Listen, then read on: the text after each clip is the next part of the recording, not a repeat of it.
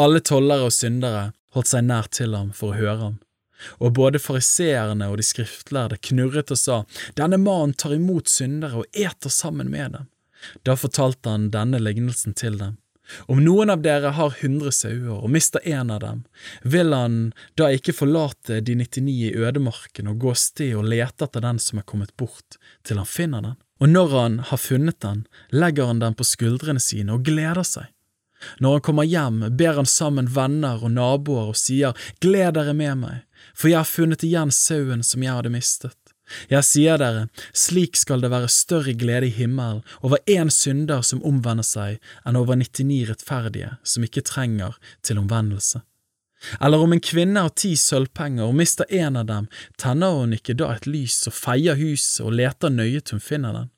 Og når hun har funnet den, ber hun sammen venninner og naboer og sier, Gled dere med meg, for jeg har funnet igjen sølvpengen som jeg hadde mistet.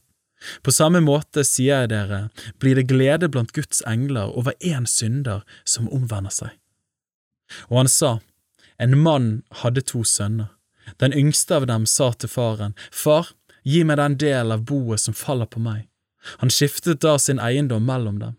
Ikke mange dager senere samlet den yngste sønnen sammen alt sitt og dro til et land langt borte, og der sløste han bort alt han eide i et utsvevende liv.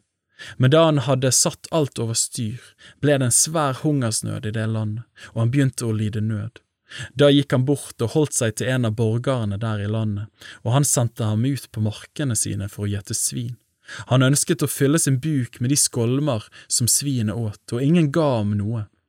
Da kom han til seg selv og sa, For mange leiefolk hos min far har overflod av brød, men jeg setter livet til her av sult. Jeg vil stå opp og gå til min far, og jeg vil si til ham, Far, jeg har syndet mot himmelen og mot deg. Jeg er ikke verdig lenger til å kalles sønnen din. La meg få være som en av leiefolkene dine. Og han sto opp og kom til sin far. Men da han ennå var langt borte, så hans far ham og han fikk inderlig medynk med ham.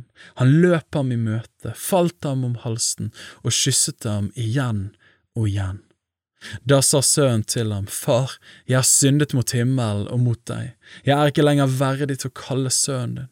Men faren sa til tjenerne sine, Skynd dere, ta fram den beste kledningen og ha den på ham, gi ham en ring på hånden hans og sko på føttene, hent gjøkalven og slakt den, og la oss ete og være glade, for denne sønnen min var død og er blitt levende, han var tapt og er blitt funnet, og de begynte å være glade. Men den eldste sønnen hans var ute på marken. Da han gikk hjemover og nærmet seg huset, hørte han spill og dans. Han kalte til seg en av tjenerne og spurte hva dette kunne være. Han sa til ham, Din bror er kommet, og din far har slaktet gjøkalven fordi han fikk ham frisk tilbake. Da ble han harm og ville ikke gå inn, men faren gikk ut og talte vennlig til ham.